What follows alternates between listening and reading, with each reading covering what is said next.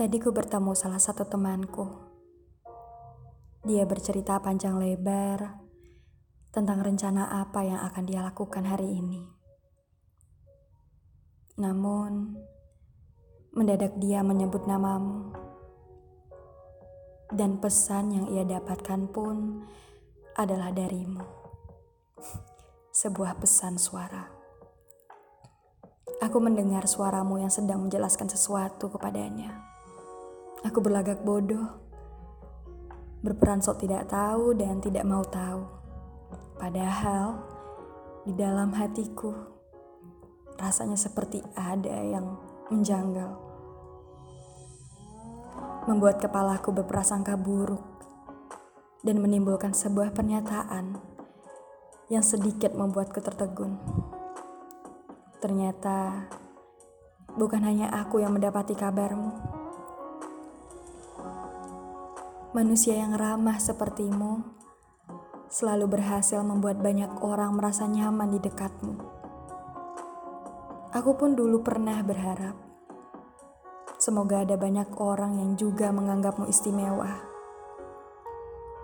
Walau dalam hatiku yang tersembunyi, aku harap kau hanya sadar pada satu hati,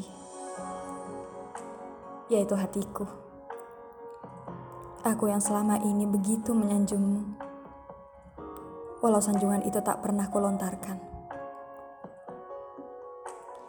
Dan di antara 300 kontak yang kau punya, aku sadar bukan hanya aku yang menghiasi beranda WhatsAppmu Bukan hanya snapku yang kau komeni, bukan hanya aku yang menjadi nomor prioritasmu, atau bahkan aku tak pernah benar-benar masuk di list prioritas itu.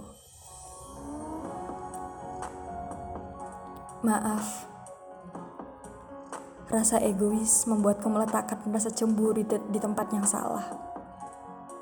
Padahal, memilikimu saja aku tidak layak karena jujur, di balik perasaan yang terlihat tulus, masih ada harapan yang membuatku terus ingin memilikimu. Yang padahal sudah bisa menjadi temanmu, harusnya aku bersyukur.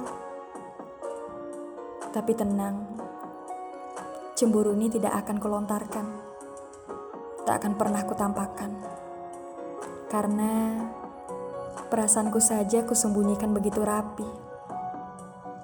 Apalagi luka seperti ini.